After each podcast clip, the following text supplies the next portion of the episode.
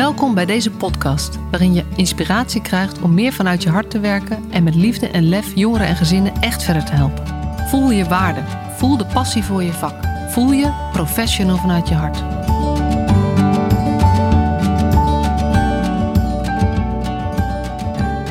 Ja, we zitten er weer klaar voor. Een nieuwe aflevering van de Professional vanuit je hart podcast.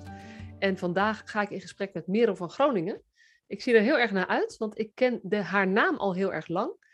Uh, ze heeft, uh, ik weet niet hoe lang geleden, maar al een hele tijd geleden een boek geschreven over haar eigen ervaringen in het Loverboy-circuit. Dus ik kende haar naam, maar ik ken eigenlijk haar verhaal niet en ik ken haar zelf ook nog niet zo uh, goed. en um, nou is het heugelijke feit dat, dat, nou ja, dat zij met haar ervaringen, dat ze die heeft kunnen omzetten in een pakket uh, en in ontzettend veel activiteiten om meiden en jongens te helpen die in eenzelfde soort situatie zitten.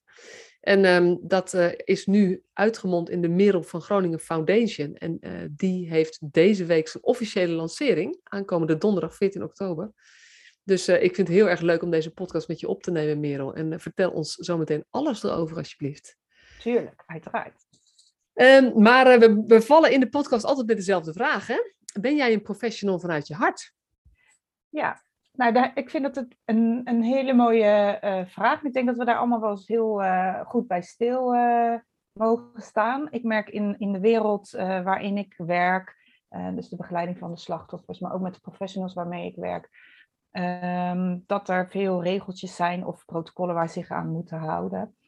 En ik probeer dat net iets anders te doen. Ik ben officieel ook pedagoog opgeleid. Uh, maar ik probeer um, professional vanuit mijn hart te werken door er zoveel mogelijk te zijn en te zeggen, nee, te doen wat ik zeg. Ik denk dat dat het belangrijkste is. En het in contact staan met ehm, de mensen om me heen waarmee ik werk of met de slachtoffers waarmee ik werk, vind ik enorm belangrijk. En uh, dat is ook de afspraak met de meisjes die ik begeleid. Je mag me altijd appen als het nodig is. Uh, gaat niet appen over een paar uh, schoenen die je vannacht hebt gekocht. En het is de verkeerde maat. En je wilt dat tegen mij zeggen. Eenzaamheid is heel erg groot bij slachtoffers van mensenhandel. En die eenzaamheid probeer ik ehm, door mijn manier van werken op te lossen. Door professioneel te zijn vanuit mijn hart. Wauw, mooi. Ja. Nou, en Um, ik herken dat wel, zeg maar. Het, het, heeft iets te maken met, ik ben altijd beschikbaar, maar ik geef je wel de verantwoordelijkheid om daar zorgvuldig mee om te gaan. Dat is eigenlijk wat je, wat je ook, ook na, naar deze meisjes vertelt. Ja, ja. Mijn, en... mijn persoonlijke ervaring is dat, dat eigenlijk als je dus altijd beschikbaar bent en je daarbij dit aangeeft, dat er eigenlijk ook altijd goed mee omgegaan wordt. Ja, abso absoluut. En uh, het is niet zo als het vanuit uh, de hulpverlening waarmee ik rond slachtoffer werk, um, dat die bij wijze van spreken van 9 tot 5 werken, dat daar dan um, geen begrip voor is. Um, maar het is net iets fijner dat je op het moment dat je je eenzaam voelt, dat je niet hoeft te wachten tot het 9 uur is de volgende dag. Ja. Het gaat echt om eenzaamheid. En eenzaamheid is heel breed. Um, maar dat, dat, is, dat is een gevoel, um, als je dat gekend hebt, weet je pas wat dat is. Je kan je er misschien iets bij voorstellen, maar als je het niet mee hebt gemaakt, dan weet je niet wat eenzaamheid is. En eenzaamheid kan heel breed zijn. Het kan binnen je relatie zijn, binnen nou ja, het strafrecht waar je in zit, binnen de uitbuiting waar je in zit. Maar eenzaamheid is echt, echt een heel vervelend gevoel. Ja, dus dat is even los van dat je dit helemaal, uh, nou ja, dat je er alles inmiddels opgebouwd hebt, ook rond het werken met, met eh, slachtoffers van mensenhandel.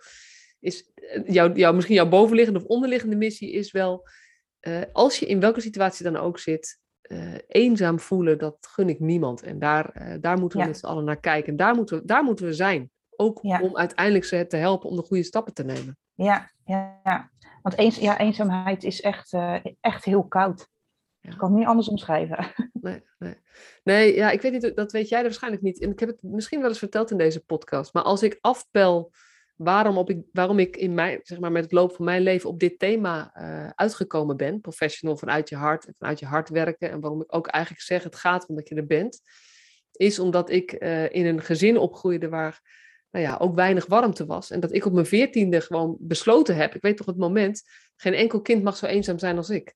Ja. Dus het raakt me wel wat je zegt. Ja. Want het klopt, ja. dat, dat um, er zijn geen woorden aan te geven Maar het is wel als je dat ervaart, dat je denkt, ja, dit, dit kan niet, dit mag niet. En ehm, het kan ook ervoor zorgen dat je in hele lastige situaties terechtkomt.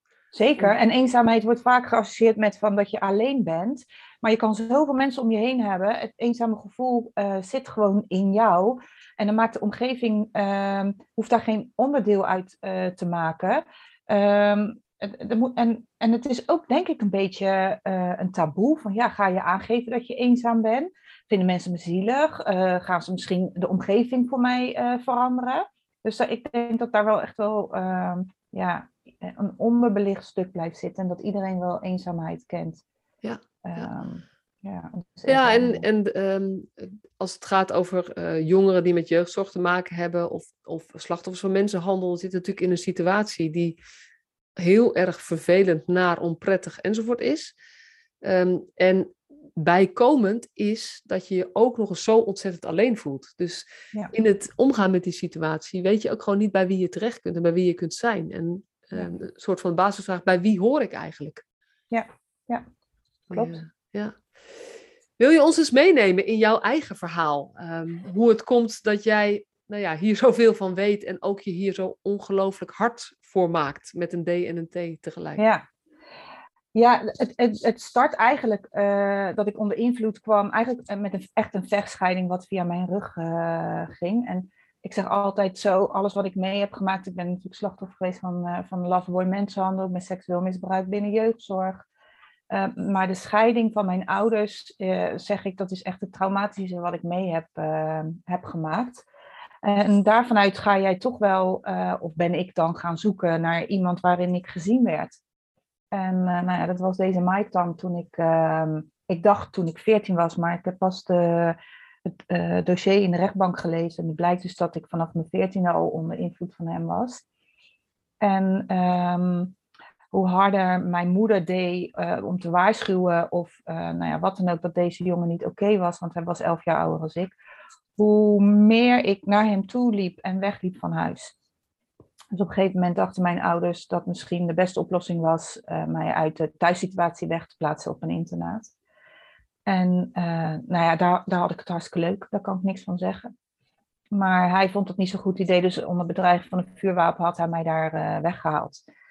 En ehm, nou ja, daar heb ik drie maanden gezeten en ik heb heel veel vragen gehad. Ook toen ik mijn eerste boek daarover schreef. Die heb ik geschreven in 2000. In 2000. En uh, heb ik zeven jaar over gedaan. En ik had heel veel vragen, want ik heb een fotografisch geheugen. Ik kan elk gevoel weer ophalen. Dus ik kan ook negatieve gevoelens daarvan ophalen. Maar ook blije gevoelens. Vragen van uh, dat ik dacht, er klopt iets niet in mijn verhaal. Waarom kan ik onder bedreiging van een vuurwapen weggehaald worden? Waarom is overal politie in het spel, maar gebeurt er niks? Um, nou, gelukkig, mijn moeder had uh, mijn OTS toen uh, bewaard, hè, want ik ben uiteindelijk uh, onder OTS geplaatst en toen kon ik wel weggehaald worden bij deze Mike. En ehm, daar stond, stond, een handtekening in mijn OTS van Corine Detmeijer. Maar ondertussen, toen ik Merel was, want Merel is eigenlijk pseudoniem, en um, dit werk ben gaan doen, kwam ik Corine Detmeijer als nationaal rapporteur tegen. Sterker nog, ik had naast haar gezeten toen ik en zij de eerste exemplaar van het vlaggensysteem van Movisie mochten overhandigen. Eventjes, uh, precies, even weten voor de mensen die het vlaggensysteem niet kennen. Dat is een, een, een, ja, het is niet alleen een vragenlijst, maar het is eigenlijk een, een indeling om in te schatten de dingen die hier gebeuren, die dingen die de jongere doet, die hij of zij meemaakt. Hoe kijken we daar nou aan? Dat gaat rond, rond seksualiteit, intimiteit. Ja. Eh, omdat we soms dingen die relatief normaal zijn, opeens heel heftig beschouwen. Omdat het gewoon hoort bij het normaal experimenteergedrag. En omgekeerd dat we dingen niet zien die eigenlijk wel heel erg zorgelijk zijn. Ja, ja. Dus je zat naast Corinne Detmeijer. Ja, en uh, dus, uh, en dat is achteraf dat je dan denkt, goh, we hebben zelfs naast elkaar gezeten, niet wetend van, van elkaar. En uh, toen kreeg ik op een gegeven moment, werd ik genomineerd voor de Joke Smit aanmoedigingsprijs. En uh, ik werd daarop uitgenodigd. En terwijl ik daar naartoe reed, um, had ik weer mijn dossier erbij gehaald, wat ik dan nog had van mijn OTS. En toen zag ik weer die handtekening. En toen dacht ik, maar volgens mij is dat de nationaal rapporteur. Dus ik ben, toen zij binnenkwam, ben ik daar naartoe gegaan. En uh, ja, ik zie dat fragment nog voor me. En toen zei ik, goh, ben je vroeger kinderrechter geweest? En zei ze, ja. Toen zeg, nou, dan ben je mijn kinderrechter geweest, maar je hebt ook mijn leven gered. door die OTS kon ik daar weggehaald worden, want hoe hard mijn moeder ook haar best deed, het uiteindelijk uit handen geven, um, heeft uh, geholpen dat ik daar weggehaald kon worden.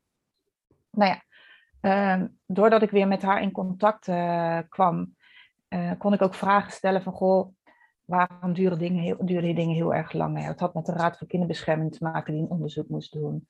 Zij heeft me gewezen over uh, dat de kans groot was dat mijn dossier nog in de rechtbank hier zou liggen. Dus ik ben naar Haag gegaan en ik ben, ben uh, mijn dossier gaan opvragen. En dan krijg je allerlei vragen over het verhaal wat je hebt geschreven, waarin je fotografisch geheugen hebt, maar dat je denkt als volwassene, hoe kan het? Hoe kan het dat, je, dat een jongere zo weggehaald uh, kan worden? Nou, die antwoorden staan gewoon in je dossier. Dus, um, maar goed, om dan terug te komen op dat uh, eerste boek. Ik denk, ik ga dat pseudoniem schrijven. Uh, er komt steeds meer naar boven over de term Loverboy, zoals ze toen nog uh, noemden. En ik dacht, als ik één meisje kan helpen met mijn verhaal, dan, nou, dan is het me waard ge geweest om het te delen. Maar ik wilde absoluut geen onderwerp op een verjaardag zijn, waarin mensen dus zouden zeggen, oh, oh, uh, hè, wat is jou allemaal overkomen? Ik wilde geen sensatie zijn. En ik wilde een boek schrijven waarvan jaren later mensen nog begrepen hoe het kan gebeuren en, en uh, uh, anderen zou kunnen helpen. Nou, en dat, dat is gebeurd. Het, is, het loopt nog steeds fantastisch. De jongeren herkennen zich erin, dus daar ben ik enorm blij mee. Maar toen hoe, was heet dan... je eerst, hoe heet je eerste boek? Plotseling ben je van hem. Ja, en dat is gewoon nog te verkrijgen. En ja, staat... ja, ja, ja. Het is, ja. Ja, het is nou ook. Uh, ja, het, wordt, het, het, is, het is enorm uh, uh, succes. Dus daar ben ik heel erg blij mee. Het is in 2012 volgens mij ook ehm, verweven in een. nou ja, begonnen als lespakket. En ondertussen is het een erkende intervisie geworden. interventie, sorry. Um, maar goed, toen ik dat eerste boek ging lanceren, toen kwam de directeur van het, uh, direct, uh, van het internaat waar ik zat, had ik ook uitgenodigd. En uh, ik herinner me hem als een hele grote, dikke man en hij was klein, maar wel dik. Uh, hij is helaas nou sinds pas overleden, maar die zei, je moet ook eens een tweede boek schrijven wat er bij ons is gebeurd. Toen dacht ik, ja, nou dat, dat is, ehm, dat vond ik lastig, laat ik het zo zeggen.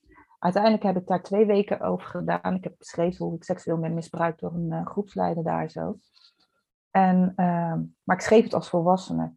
En uh, ik voelde het verdriet van een kind. Ik heb echt spugend boven de wc gehaald. Van hoe, hoe kan je dit als kind, uh, hoe kan je een kind dit aandoen? Terwijl ik altijd had gedacht, het is mijn schuld. Het is mijn schuld dat, hij, dat ik ben gaan praten. Het is mijn schuld dat hij is gaan on, ontslagen is. En als je dan terugkomt bij het woordje eenzaam, op het moment dat ik mijn verhaal naar buiten bracht en de directeur daar uh, actie in ondernam en hem ook uh, had gehoord, toen kwamen wij elkaar buiten op het trein tegen, deze dader en mij, zal ik maar zeggen. En ehm, hij zwaaide en reed weg. Ik heb daarna ook nooit meer iets gehoord of gezien eh, van hem. En ik kwam bij de directeur en het eerste wat de directeur zei van, hij heeft het niet ontkend. En toen voelde ik me zo eenzaam. Want toen dacht ik, maar wat als hij het nou had... Ik krijg gewoon hartkloppingen terwijl ik over praat. maar wat als, uh, als hij nou uh, had ontkend? Wie gelooft dan een kind? En daar heb ik me zo eenzaam in gevoeld. Maar ook het traject daarna van... Ja, hij is zijn baan kwijt, hij is ontslagen. Alles, alle aandacht ging naar hem. Wie zorgde voor mij? En ik heb me echt heel eenzaam daarin gevoeld. Ik voelde me ja, bij mijn ouders uh, al in het begin in de scheiding voelde ik me niet meer als kind op de eerste plaats staan. Nou ja, bij Mike was het niet echt heel erg goed gegaan. En dan dacht ik dat iemand het wel goed met mij voor had. En ik dacht, als je een seksuele relatie met, met iemand, dus deze vanuit de machtpositie, dan kan jij, dan ben je gezien, dan ben je er en er is er iemand. Dus ik wilde natuurlijk ook heel, heel uh, bij me houden, vasthouden. Want anders zag niemand mij meer. En toen was je, je was een jaar of 16 toen dat gebeurde? Ja, dat ja, ja, ik was 16, ja. En hij was volgens mij in 30, 32. Ja, maar hij had gewoon de, weet je, het was gewoon iemand, een professional in functie, in rol, met een pedagogisch, pedagogisch medewerker of een ambulant hulpverlener. Maakt niet uit wat zijn rol precies was, maar iemand die, ja. een hulpverlener. Ja.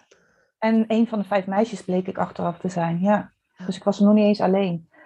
En maar ik heb altijd uh, totdat ik dit boek ging schrijven, het, het, de hand boven het hoofd van hem gehouden. Want ik dacht, ja, dat is door mij gekomen. Weet je wel, mijn ouders hadden al ehm, voor mijn gevoel uh, afstand van mij gedaan. Mijn Mike, uh, die, die had mij alleen maar nodig voor de seksuele uitbuiting.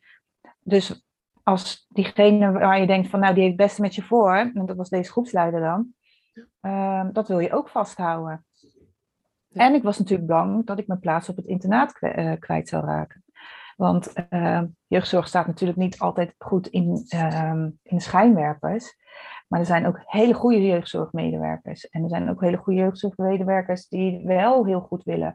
En gelukkig had ik daar heel veel van om me heen. En uh, dus ik, draag, ik kijk echt terug naar een warme plek waar ik gezien werd op het internaat. Niet alleen maar door deze groepsleider, maar door iedereen. Het, het draait om jou, over, om die, eh, individueel en wat is je toekomst en hoe kunnen we je daarbij helpen. En uh, er waren geen ruzies, geen spanningen, dus dat wordt wel eens vergeten. Maar goed, toen, in twee, uh, toen dat boek uitkwam, had ik natuurlijk interviews en toen bleek in één keer, ik bleek, het bleek een naam te hebben wat ik uh, had meegemaakt. En ik was niet eens de enigste, dus dat voelde zo fijn. En toen kwam commissie Samson en toen dacht ik, wow, als ik maar met meerdere kan praten uh, die dit mee hebben gemaakt. Dat was zo, ja, zo rust gaf dat uh, voor mij. Ja. Nou ja, dan ga je. en hoe heet je tweede boek? In mijn onschuld. In mijn onschuld, ja. ja. ja. En dat is uitgekomen voor de commissie Samson? Of in dezelfde ja, periode ja. een beetje? Nou nog niet, zo, ja, niet zoveel uh, uh, ervoor. Want nu, komt, nu is er heel veel over misbruik in de sport. Over, nou ja, het is zo breed wat er nou, uh, nou komt. Dus dat is alleen maar uh, goed. maar ik denk dat voor iedereen waar erkenning voor is, welke commissie er dan ook voor opgericht wordt, dat dat zo helpend kan zijn. Zo helpend. Ik heb Iva ooit.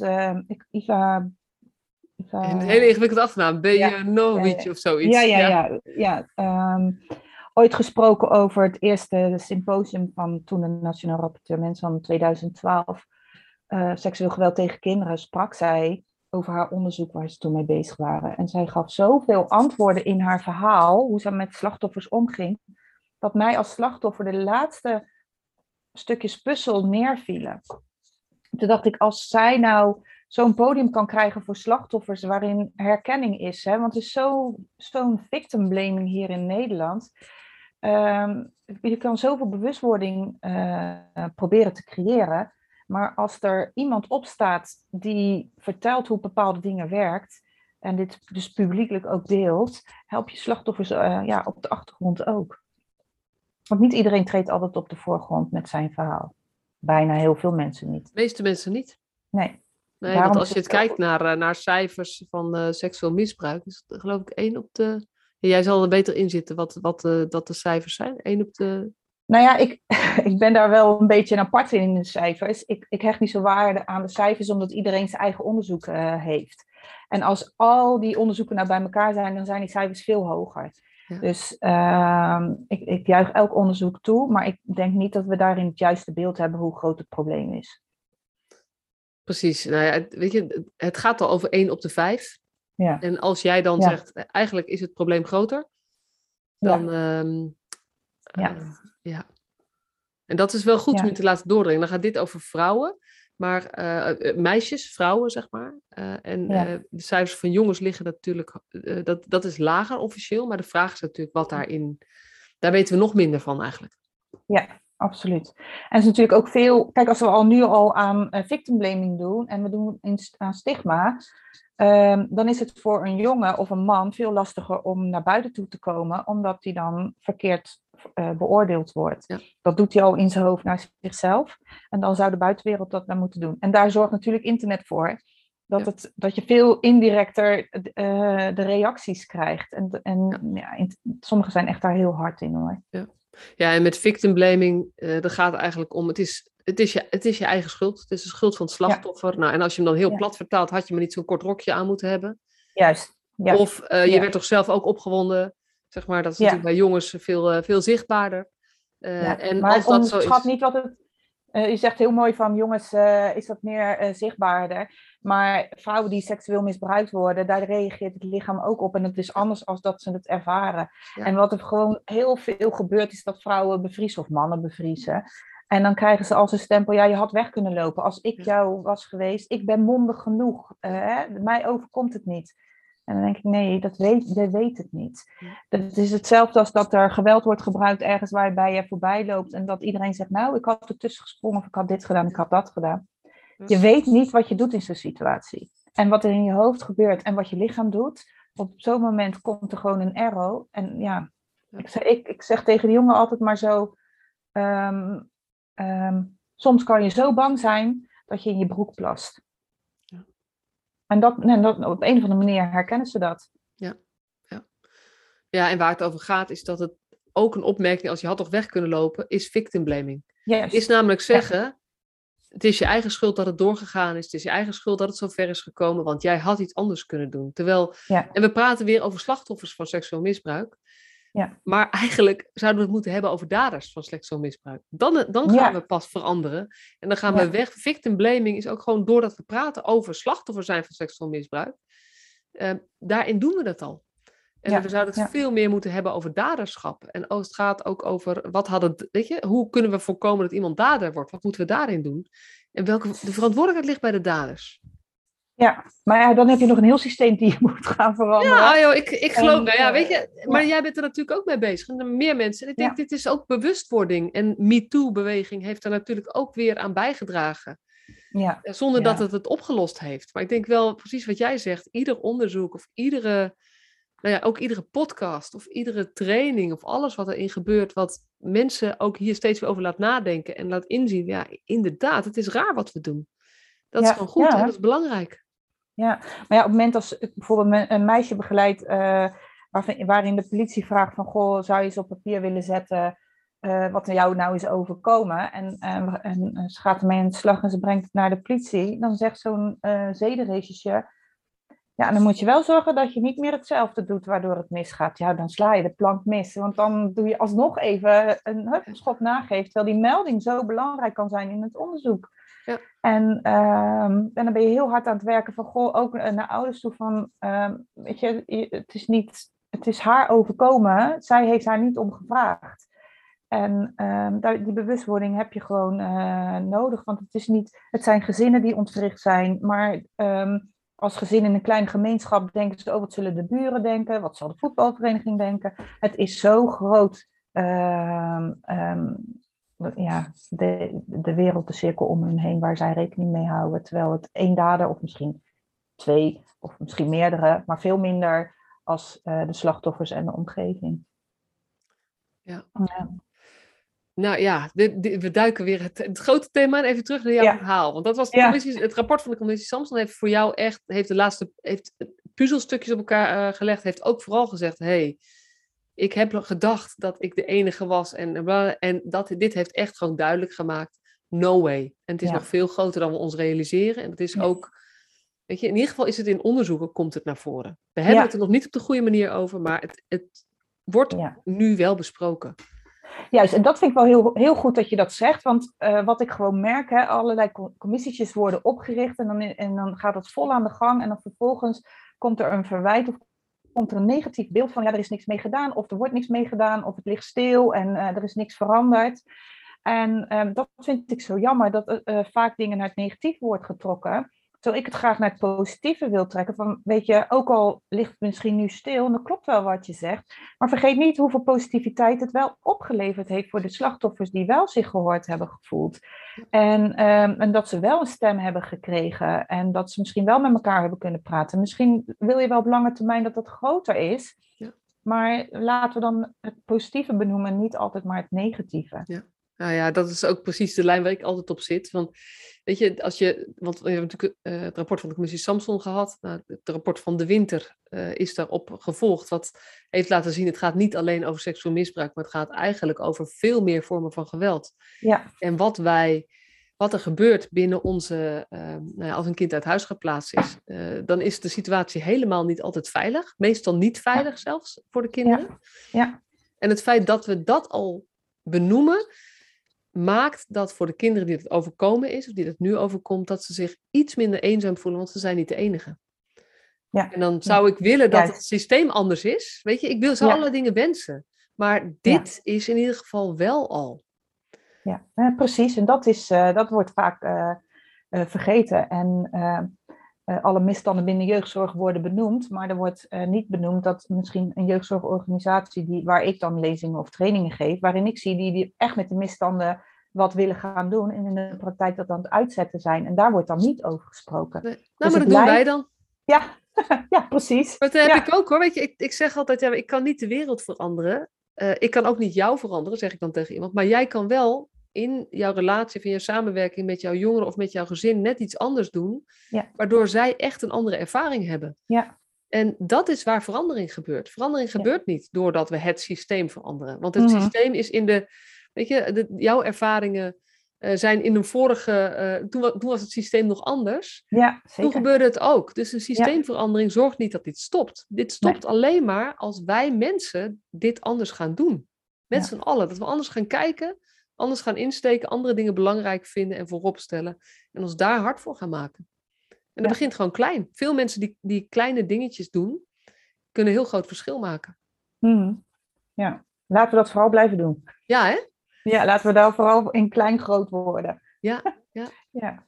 Hey, en je had een, je, je had, er was een lespakket toen in 2012. Ben je daarmee bezig gegaan? Ja, toen, uh, omdat het eerste boek nog, ja, dat, dat zei ik al eerder, is nu nog steeds een heel groot uh, succes.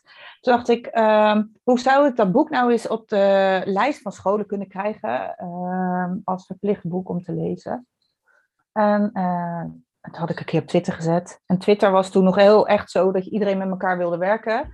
Dus toen zei iemand, ja, ja je, moet, uh, je moet Ricardo eens vragen. Uh, die is uitgever. Hele aardige man. Nou oké, dus dat had ik dan gedaan. En nou, we raakten aan de praat en die zei, nou, uh, misschien is het idee om een lespakket te maken. Want ik had met mijn voorlichtingen, ging ik met mijn boek en een A4'tje de scholen in. Maar ik had een wachttijd van twee jaar, omdat die scholen het jaar erop me wilde, met meer kinderen erin. En, en dus ik had een wachttijd. En toen zei hij, ja, als iets werkt, waarom zou je het niet willen delen? Dus we hebben daar toen een lespakket van gemaakt. Dat werd toen ook gesteund door de Nationaal Rapporteur Mensenhandel. En niet wetend dat dat zo binnen jeugdzorg opgepikt werd. Dus wij hebben hem uh, toen doorontwikkeld uh, dat je hem echt als trainer-trainer uh, in kan zetten in, nou ja, of binnen jeugdzorg, als interventie of nou ja, als maatschappelijk werk. Het maakt eigenlijk niet zo uit. je kan als trainer aan de, kant, aan de slag. En, en, en, hoe heet het lespakket? Ja, een Merel voor Groningen project. Ik noem het altijd het MVG-project. Ja. Uh, en ja, het is, uh, het is voorlichting, preventie. het is een, er zit een module in wat een kleine leidraad heeft naar, de, naar het vlaggensysteem, maar dan verfijnd over dit onderwerp. Dus nou ja, we hebben hem laten erkennen. daar ben ik heel erg blij mee. Dat was echt een wens voor mij om dat te doen. Nou ja, er zitten, hij is SKJ geaccrediteerd. er zitten drie trainingsdagen bij. Maar door COVID, en ik ben natuurlijk zelf in de eerste golf besmet. En het online, ik heb ervoor gekozen om niet online deze trainingen te gaan geven. Dus nou ja, als het goed is, onze, al onze ervaringsdeskundigen die de opleiding doen bij de foundation, worden hier ook ingetraind. Ehm, als trainer trainen om met jongeren aan de slag eh, te gaan. En dat, ja, het werkt gewoon fantastisch. Ja. ja. Ja, precies. Dus dat is het, want ik probeer het even te ontrafelen, want je hebt zoveel te vertellen. Je hebt het, ja. het lespakket, daar is het eigenlijk mee begonnen. Ja, en je begeleiden eigenlijk nou ja, vanaf het moment dat jij uh, uh, daar zelf een, een, zeg maar, ja, met het boek en zo, vanaf, eigenlijk ben jij direct meisjes, jongens, slachtoffers gaan begeleiden. Um, nee, nee, nee, nee. Dat is echt, ik ben eerst echt aan de preventieve kant gaan, uh, gaan zitten. en in 2015 ehm, ehm, heb ik nog een boek geschreven waarin ja, ik eigenlijk de verhalen vertelde waarin slachtoffers, wat, wat slachtoffers vertellen als je een ervaringsdeskundige bent. Dus dat de verhalen naar boven kwamen en het is een soort boek geworden waar, voor de hulpverlening waar handvaten in zitten, waarin eh, nou ja, politie eh, advies geeft, ehm, schoolmaatschappelijk werk. Nou, het is heel breed, zal ik maar zeggen. Dat heeft de zedenwet toen aangepast in, in het sexting, dat het onder bureau halt is gebracht, want dat idee ehm, heb ik bij Marit Volk toen neergelegd. Tweede Kamer heb ik helemaal uitgewerkt. Dat staat ook in dat boek. Hoe we dat bij bureau HALT konden onderbrengen. Om een statement te maken. Omdat nu in, de, in het wetboek staat het als uh, kinderporno. En ehm, ja, als jij En wat precies bedoel je? Nou ja, het delen van foto's als, van minderjarigen. En ja, jongeren doen dat gewoon en zijn zich daar niet bewust voor. Dus bureau HALT heeft daar echt wel een hele bewustwording lespakket voor. die heeft dat echt doorontwikkeld. Dat is natuurlijk fantastisch. Maar toen kwam ik in 2017, kwam er een gemeente bij mij, na aanleiding van dat boek te hebben gelezen. En die zei, goh, we hebben hier een proces lopen naar een grote groep jongens. En de meisjes zijn heel erg bang en die willen eigenlijk de aangifte terugtrekken. En nou ja, dat kan natuurlijk niet. Zou jij eens met ze kunnen praten? Dus toen ben ik met ze in gesprek gegaan. En ja, dat, dat werkte zo fantastisch tussen deze gemeente, tussen de meisjes, de mij en het team mensenhandel wat ernaast stond. Dus die samenwerking, korte lijntjes, dat was gewoon fantastisch. En daarvanuit ben ik sinds 2017 een proeftuin gaan draaien. Waarin ik dus uh, nou met voogden, jeugdzorg, ja, iedereen eigenlijk die met jongeren werkt met deze, uh, met deze problematiek. Nou ja, problematiek, dan is het net weer of je tegen hun zeg maar deze geschiedenis, ervaringen, laat ik het zo zeggen. En uh, daar heb ik een methode in ontwikkeld, dat noem ik de BUM-methode. En dat is uh, bewustwording, ja, bewustwording, uitleg en motivatie. En dat is een combinatie van het Merel project interventies, zal maar zeggen, die ik ontwikkeld heb. Het wraparound care model en een stukje strafrecht. En die zijn we nou in de voorbereiding uh, aan het maken om die ook te laten erkennen. Omdat de ervaringsdeskundigen die de opleiding bij onze foundation doen, hierin ook opgeleid worden. En dat is, dat is iets wat je in kan zetten, uh, die als ervaringsdeskundige alleen maar begrijpt, uitlegt en motiveert. En uh, nou, door die interventies bij elkaar te, uh, te zetten uh, en daar vanuit te werken, heb je weer een methode ontwikkeld die op maat aan kan bieden aan de slachtoffers, waarin ze zich gewoon ehm, begrepen voelen en gemotiveerd voelen door de uitleg. Ja, precies. Dus je hebt het, het, lespakket is, is 2012 uh, ja. uh, gekomen. Sa, uh, eigenlijk met het laatste zetje, het idee was er al, maar, maar dat het een lespakket is geworden, komt door Ricardo Eshuis, die ook toevallig, min of meer toevallig, ook in de ja. podcast zit, hè, Erik? Ja. ja. Dat wist, wist ik niet van tevoren, maar toen ik Ricardo sprak, kwamen we daar al achter, dus dat was heel mooi. Ja. Ja. en toen um, heb je even tussendoor nog een boek uitgebracht, 2015. Hoe heet dat derde boek? Liefde zonder vlinders. Liefde zonder vlinders. En dat is echt bedoeld ook voor professionals om ja. de breedte van, uh, van, van, van wat er allemaal speelt en gebeurt. En zowel in zo'n slachtoffer, maar ook eromheen. Om ja. dat wat tastbaarder te maken. Dus er staan ja. verhalen in. En uh, het is heel cool. En er zit ook, ook uh, informatie in, handvatten wat je kan doen als professional of als burger. als je hiermee te maken hebt. Zeg maar. Dus dat is, dat is heel concreet. En waar en... jongeren sek, uh, seksueel grensoverschrijdend gedrag meemaken. Hè? Want er staat, ik, er staat ook een verhaal van een meisje in wat gepest werd. En dat is natuurlijk weer nu heel hot. Uh, en school dacht dat, uh, zij werd gepest in de brugklas. En school dacht dat ze dat zelf had opgelost. En dat was ook zo, maar zij had het opgelost door seksuele handelingen te verrichten met haar pester. Maar die pester, die groep werd steeds groter. En zij wilde eigenlijk niet mee verder gaan, maar ze wilde ook niet gepest worden. En dan zag je dus ook de andere kijk van school, die dacht, ja, maar het probleem is opgelost, maar niet wetend hoe zij dat had gedaan. Ja, ja. En dat zijn echt wel schrijnende verhalen, waarin ik dan denk van, hoe verzint een dader dat? Ja. Dus ik wil niet de focus dan leggen op dat meisje, maar van hoe kan je als dader dit, dit dan verzinnen? Weet je, waar, waarin kunnen we aan de voorkant daarin gaan zitten? Laten we het hebben over de pesters. En niet mm -hmm. over de gepesten, zeg maar. Dus niet ja. een kom op voor jezelf training uh, voor de, voor de ja. gepesten. Ja. Maar eigenlijk veel meer investeren in die daderkant. Want daar, daar ligt het probleem. Ja, ja. Maar ook in de omgevingskant. Ja. Er zit een hele omgeving om de pesten heen. Daar, daar kan ook gewoon uh, veel aan gedaan worden. Ja. Dus dat is 2015. Ja. En, en toen, ja, het, weet je, het is zoveel. En dat is ja. natuurlijk voor jou is het zo logisch, maar ik hoor het verhaal voor het eerst. En ik denk ja. veel van de luisteraars ook. Um, en toen is van daaruit is onder andere de zedenwet aangepast. Dat ja. is natuurlijk, nou ja, dat is ook grootse beweging. Als je het hebt over kleine dingen, grote dingen. Weet je, dit is wel met jou, uh, het delen van jouw verhaal, daarover nadenken, dat steeds weer gaan delen, met goede mensen delen uh, en onder woorden brengen waar het echt over gaat, bereik je mm wetswijziging.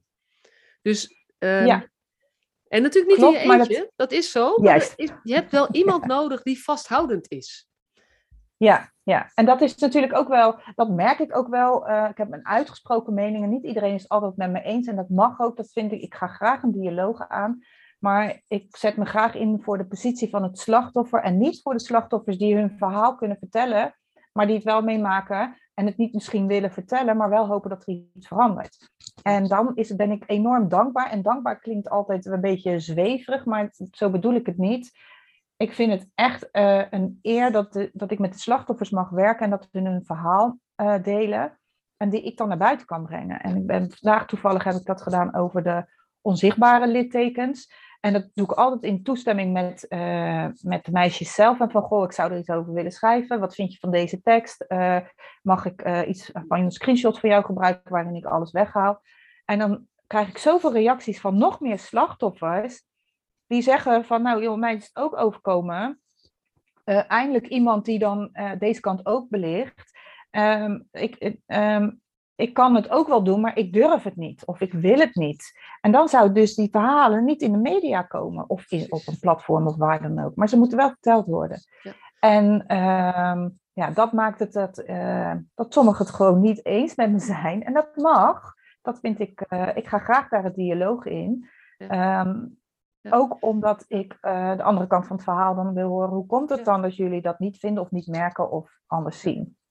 Ja, wat, ik, wat, wat mij wel heel raakt in wat je zegt, is uh, dat delen van het verhaal van die slachtoffers is zo belangrijk. Want er zijn veel meer slachtoffers die ja. nog met niemand iets gedeeld hebben.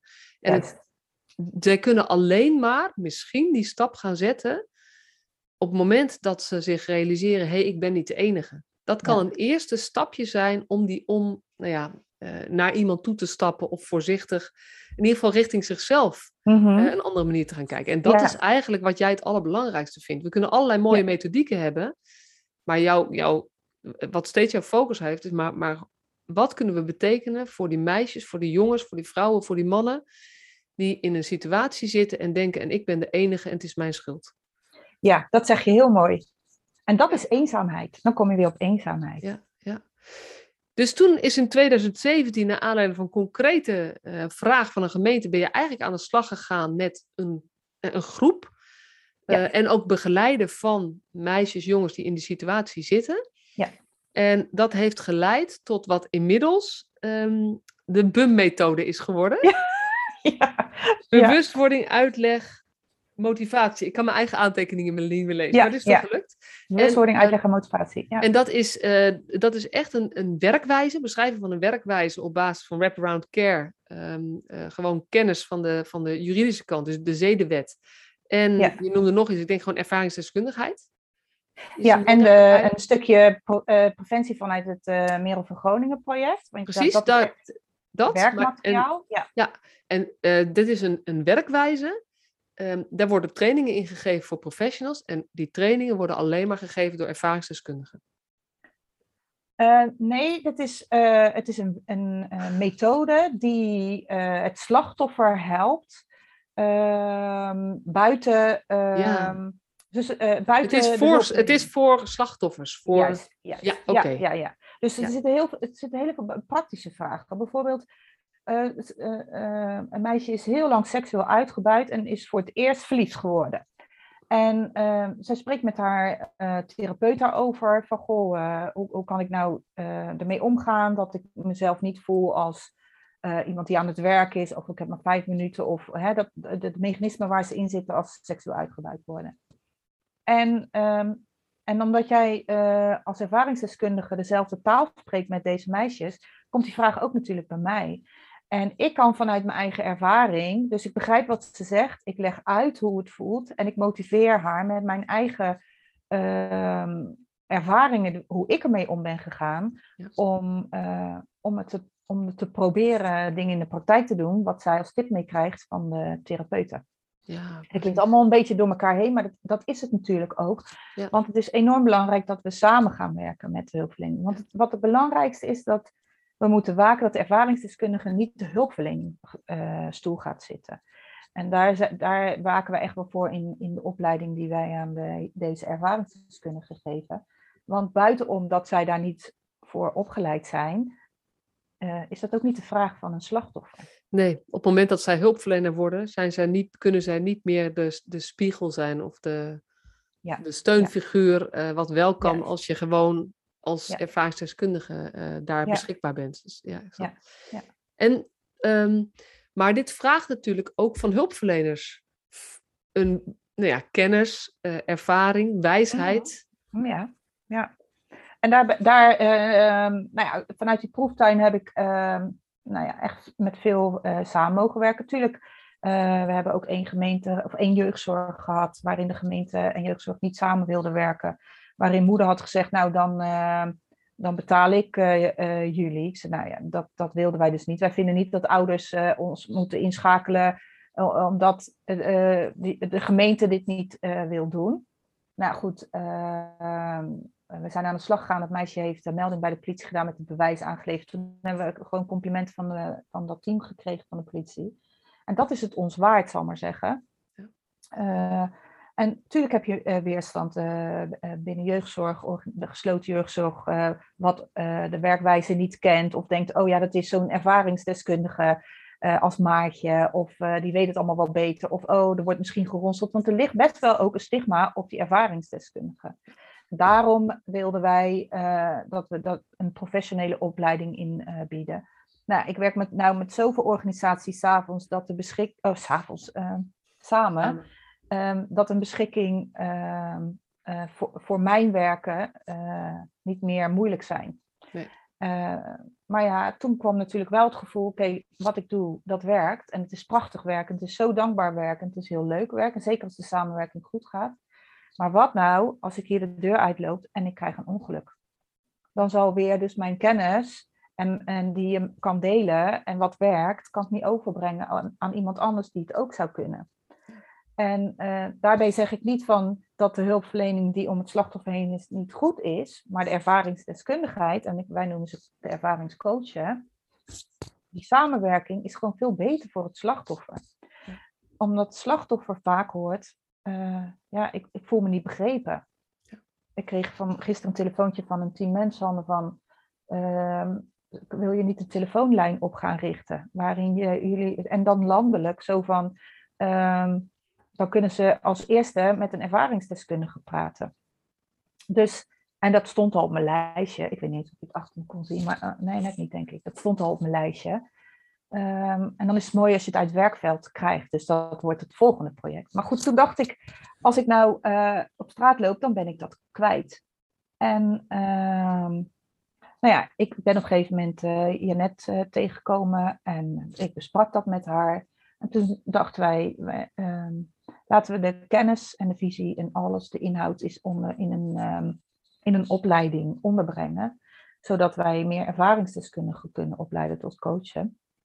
Um, maar daar zit wel uh, een voorwaarde aan. En dat is dat ze gescreend worden door uh, nou ja, psychotherapeut en hulpverlening. Om gewoon uh, zoveel mogelijk risico's uit te sluiten. Kijk, je kan het nooit helemaal uitsluiten. Maar de belangrijkste reden daarin is dat een slachtoffer of een ervaringsdeskundige niet een terugval krijgt tijdens de opleiding. En uh, dus we, we stellen best wel veel eisen aan iemand om deel te kunnen nemen. En um, de foundation, ja. die is natuurlijk gekomen ook toen, uh, nou ja, jij kreeg veel vragen op je af, maar ook uh, van ja, dit is nu nog, want het was eerst van jou, maar als het gaat over hoe, dat, hoe kan het groter worden, hoe kan het verder dragen, gaat het natuurlijk over om met mensen samen te werken en ook echt samen op te trekken. Ja, dus ik neem aan dat zo de foundation ontstaan is. Ja, zeker. Omdat uh, de, de, gedachtegoed, zal maar zeggen, en wat werkt, dat uh, uh, zou ik zonder de mensen waarmee ik nu de foundation samenwerk, zou ik niet alleen kunnen ehm, uitbreiden. En dat, en dat heeft ook een stukje te maken met karakter. omdat ik, nou ja, nu ben ik met jou in, in gesprek en dan maken we misschien afspraken, hè, dat is dan een voorbeeld. Maar dan kijk ik op mijn telefoon en heb ik een hulpvraag. Dan ben ik jou alweer vergeten. Dan ga ik naar die hulpvraag toe. Dus ik ben echt een chaot en ik pak alles aan. Dus je hebt echt wel een goed team nodig. Waarin we, de kracht is eigenlijk binnen de foundation waarin je net en ik samenwerken. Dat zij hulpverlener is en ik de ervaringsdeskundige.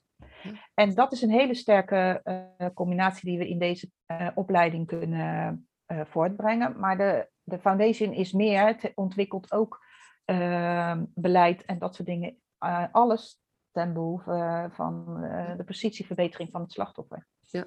Dus we zijn daar best breed in en we hebben daar nieuwe dingen voor op de plank liggen. Ja. Maar voor nu zijn we nu heel druk bezig met, uh, dit jaar starten twee nieuwe groepen in de opleiding. de eerste groep is een combinatie sekswerkers, ex-sekswerkers en seksuele uitbuiting. En de tweede groep die uh, eind oktober start, is weer een combinatie met zeden, seksuele uitbuiting en huiselijk geweld. Ja. Uh, dus ja, de, daar zijn we op dit moment uh, heel druk mee. Ja. En uh, de officiële lancering van de foundation, die is, als jullie luisteren, dit nemen wij natuurlijk eerder op, als jullie luisteren is dit aanstaande donderdag, als je, ja. als je het geluk hebt om hem in de eerste week te luisteren. Ja. Uh, en je vertelde al, eigenlijk zijn we al, het bestaat al langer, maar ja, COVID heeft gewoon gezorgd dat we deze lancering later moeten doen. Dus we hebben nu een moment gekozen. Maar wat uh, staat er donderdag op het programma, donderdag 14 oktober? Ja, um, het, het, het, teken is gewoon dat uh, wat, wat, wij doen is, is nieuw. En de theoriegedeelte van de eerste opleiding, dus dat was in 2020. En het is echt respect voor deze jonge vrouwen dat ze het vol hebben gehouden met COVID. Want veel werd of online gedaan of uh, nou ja, verschoven. De stageperiodes hebben gewoon heel lang geduurd uh, voordat die in werking konden gezet worden. Maar hun krijgen hun eerste uh, certificaat. En er zijn eh, vier gesprekstafels waar zij deel uitnemen. waar dus de professionals het werkveld kunnen aanschuiven. En we hebben hele mooie gespreksleiders. het draait om deze ervaringsdeskundigen die dus een eigen thema hebben. We hebben um, uh, aangiftebereidheid volgens mij, uh, waar het OM en politie bij aanschuift. Dus, dus echt in gesprek gaan met deze ervaringsdeskundigen. We hebben uh, een, gesprekstafel um, over um, waar loopt een slachtoffer tegenaan in het herstel. Hoe kun je daarmee samenwerken? Daar zit veilig, veilig thuis bij, Veiligheidhuis, ehm, naar jeugdzorg. En dan hebben we echt het onderwerp samenwerken met professionals en ervaringsdeskundigen. En we hebben eh, inzet van ervaringsdeskundigen tot, uh, tot een goed beleid. Daar zitten weer meer beleidswerkers aan. Uh, alles is wel um, digitaal. De, de, de, de, ervaringsdeskundigen zitten echt aan een tafel bij Movisie. Wij zijn bij Movisie. Maar online schuiven de deelnemers aan. Het is besloten. Dus je kan niet je zomaar in, inschrijven. Je kan je wel opgeven, maar niet inschrijven. Omdat er uh, drie ervaringsdeskundigen zijn die zeggen, nou we willen gewoon echt niet in de media. We willen ons verhaal wel vertellen, uh, onze ervaringen, maar uh, die hebben gewoon een nieuw leven opgebouwd en willen zich als ervaringscoaches inzetten, maar niet in de media neergezet. Dus dat respecteren we en daarom is het ook, noemen wij het een besloten bijeenkomst. En dan, uh, nou ja. waar kunnen mensen informatie uh, vinden als ze zeggen van hé, hey, maar dit interesseert mij wel heel erg. En misschien voor 14 oktober, maar überhaupt zou ik meer willen weten van de foundation. Ja, weet, je, op mijn website is een hele speciale afdeling uh, van de foundation. Daar staat echt alle informatie die, nodig die, of, die je nodig hebt. En mailadressen en dat soort dingen kunnen ze, nou ja, of via LinkedIn. Nou, ik ben volgens mij overal wel te vinden. Um, dus graag, het, het, is fantastisch als je dat zou, zou willen.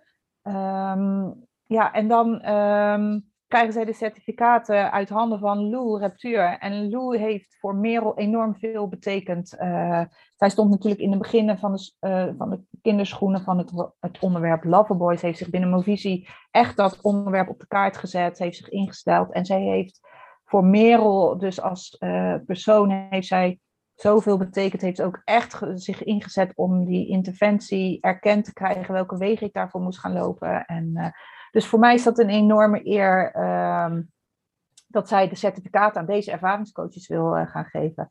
Ja, en daarbij hebben we gewoon een fantastisch bestuur uh, bereid gevonden om de foundation te draaien, waarin, nou ja, Kees, oud-directeur van de NJI, we hebben Frauke die onderzoek is bij Verwij Jonkers Instituut en Uh, Bernette is de oud-communicatiemedewerker van Comensa. Dus het zijn echt mensen die zich met dit onderwerp inzetten. En die uh, ja, ons enorm hebben geholpen. En hopelijk ook gaan helpen. Ja.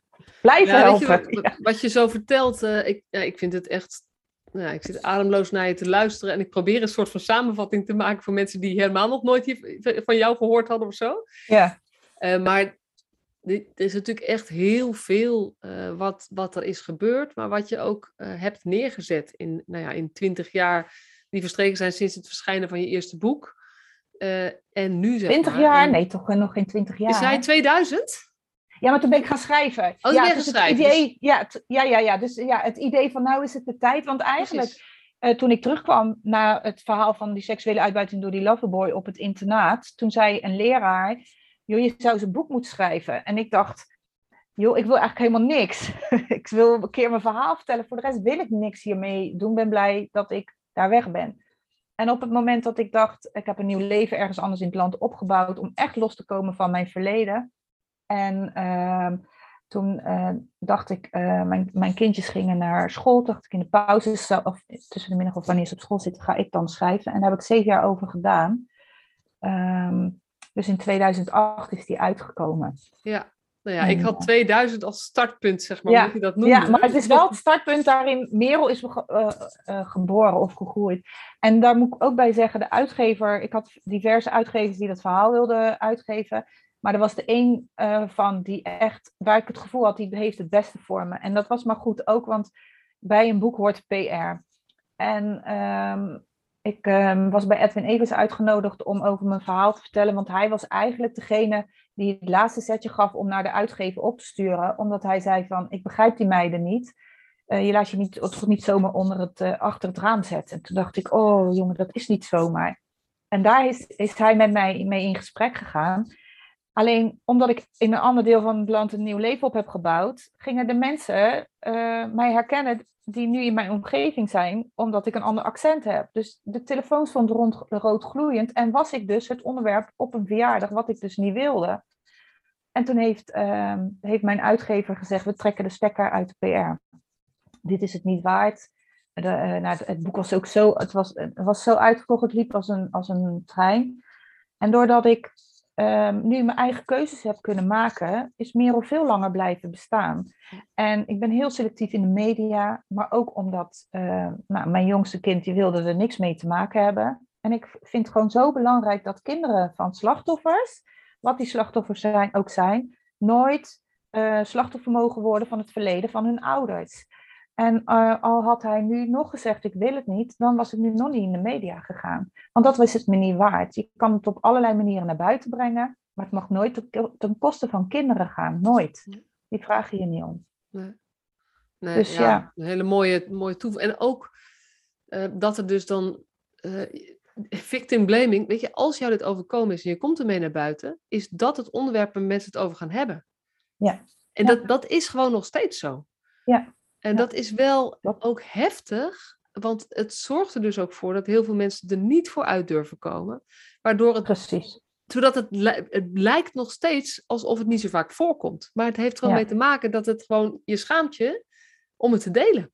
Ja, ja. En dat is, nou ja, dus, dus dank je wel voor dat jij, die, dat jij een vorm hebt gevonden waarin je dat kan doen, zeg maar. Ja. En um, nou ja, ik, ik ben ook echt onder de indruk van hoe dat gegroeid is. Uh, en met, met nou ja, ik, de, de namen van de mensen die jij dan allemaal noemt, die kan ik allemaal wel plaatsen, zeg maar. Ja.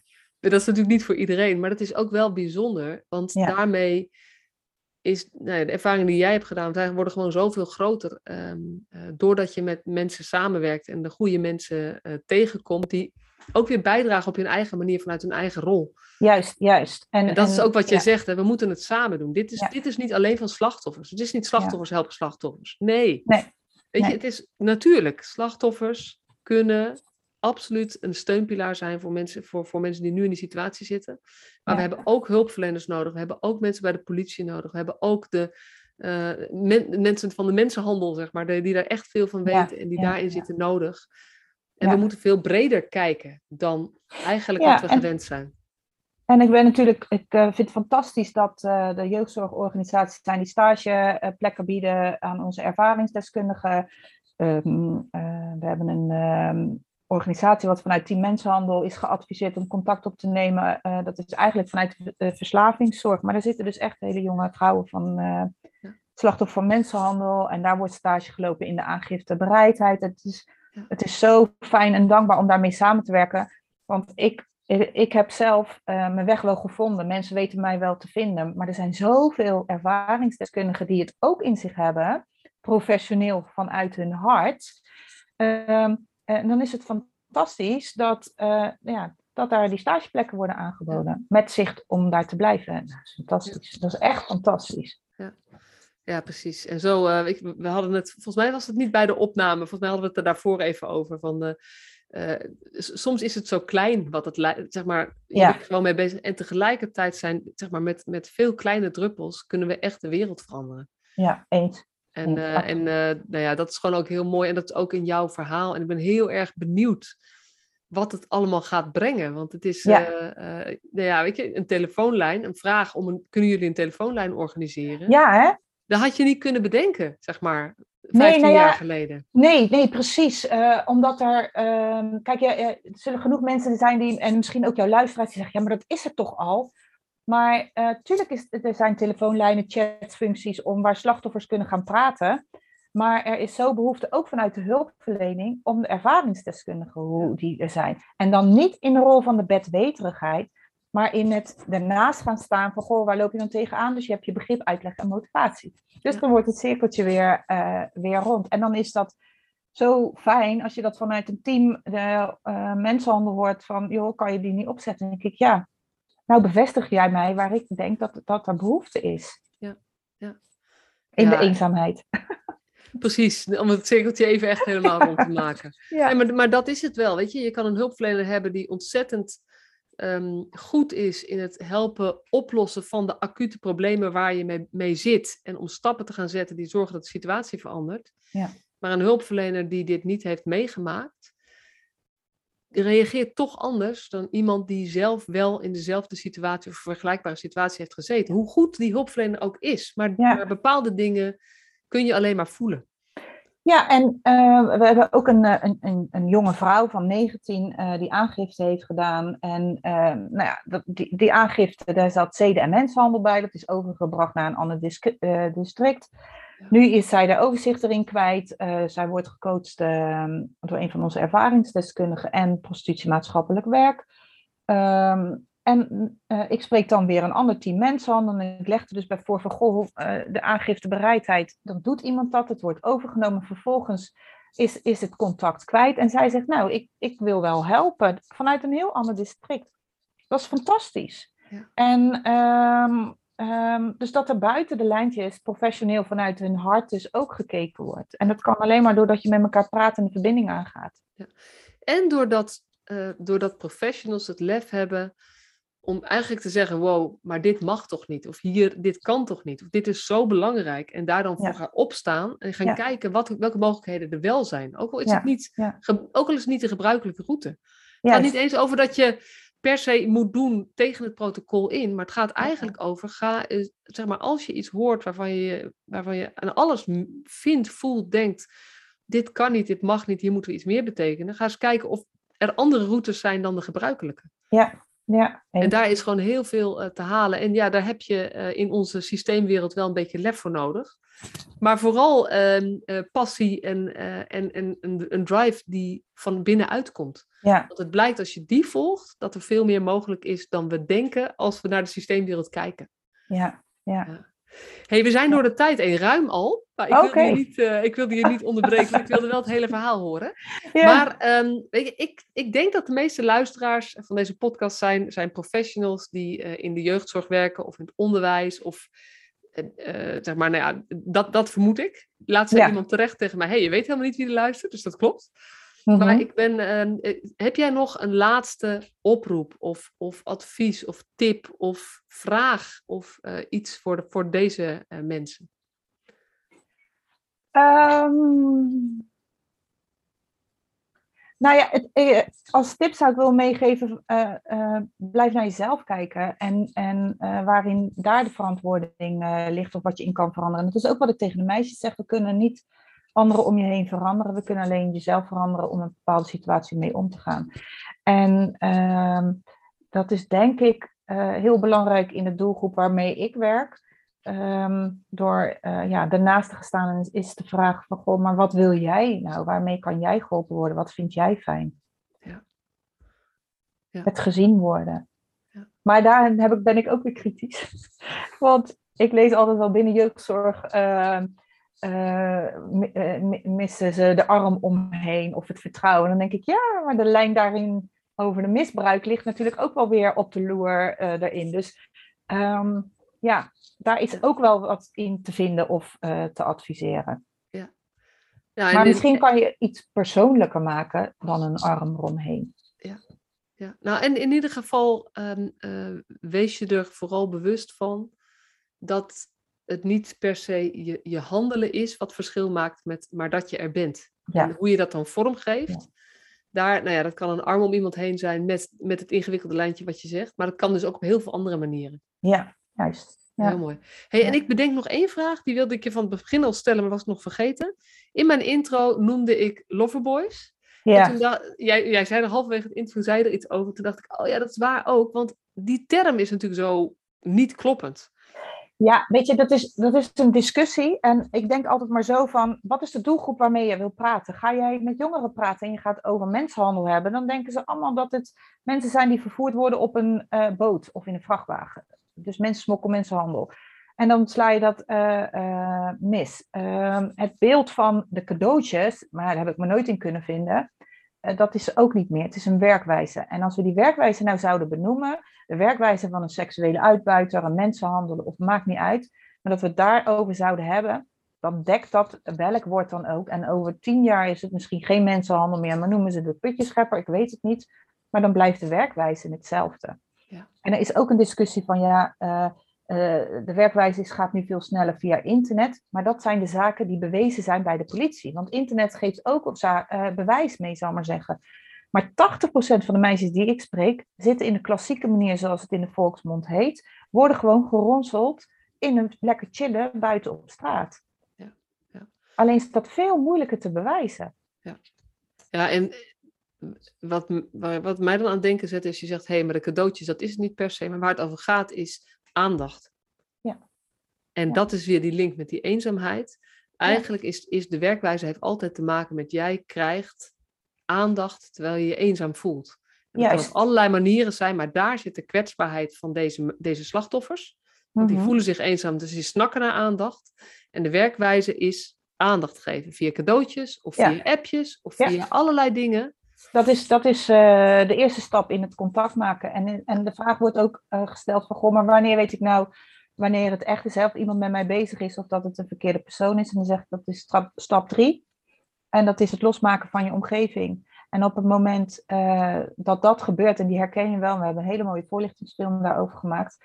Uh, als jij niet meer in contact bent met je omgeving, dan is de grip van degene die, die jou wil hebben, die is, uh, ja, is makkelijk dan. En of dat nou over een pedofiele netwerk gaat, of seksuele uitbuiting, of nou, noem het maar op. Als hij het voor elkaar heeft, hij of zij het voor elkaar heeft om je los te maken van je omgeving, ja, dan, is, dan heeft hij in je grip. Dan is het foute boel. Ja. En dan is dat is heel lastig. En dat is eigenlijk wat ik de jongeren altijd meegeef, maar ook hun ouders. Blijf in contact met elkaar. Blijf communiceren met elkaar. Ook al ben je het niet met elkaar eens, weet je, als het contact, die communicatie er niet meer is, dan weet je helemaal niks meer. Ja, ja. ja ik, zou, ik zou weer tien vragen willen stellen, maar we gaan het niet doen.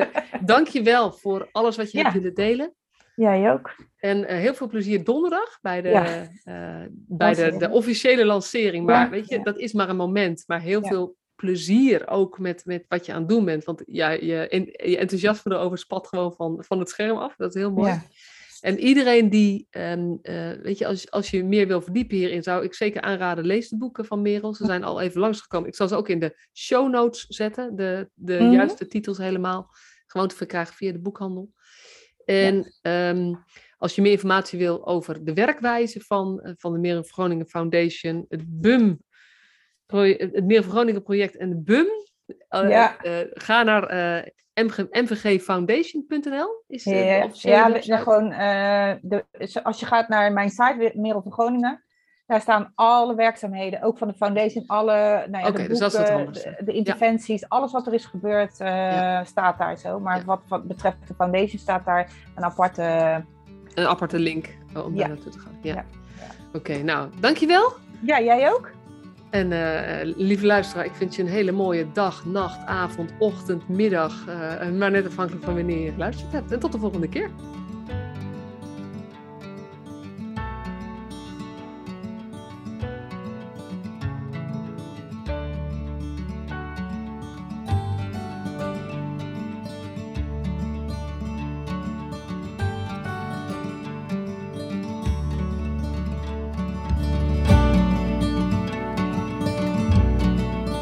Superleuk dat je weer luisterde naar deze podcast. Dankjewel.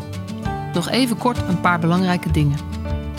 Ten eerste, het is mijn missie dat de jeugdhulp weer een sector wordt waarin bevlogen, liefdevolle professionals jongeren en gezinnen echt verder helpen. Daarom maak ik deze podcast voor jou. Wil jij deel uitmaken van deze beweging van Professional vanuit je hart, waarin professionals elkaar steeds opnieuw inspireren? Begin dan met het lezen van mijn boek. Je kunt de eerste hoofdstukken helemaal gratis lezen. Ga naar professionalvanuitjehart.nl slash boek. Ten tweede, wil je alle podcastafleveringen overzichtelijk onder elkaar? Abonneer je dan op deze podcast. Klik in je podcast-app op de button subscribe of abonneren. En elke keer als er een nieuwe podcastaflevering gepubliceerd wordt, ontvang je automatisch een berichtje. Ten derde, ondersteun je mijn missie? Geef me dan een review via je podcast-app, bijvoorbeeld iTunes of Spotify. Op die manier kan ik nog meer professionals bereiken. En ken je een collega voor wie deze podcast ook interessant is? Dan zou het super zijn als je hem of haar de podcastaflevering doorstuurt. Bijvoorbeeld door de link te kopiëren via Spotify.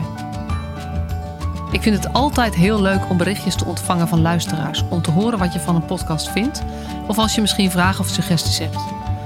Of als een aflevering je een bepaald inzicht heeft gegeven of er iets in beweging is gekomen.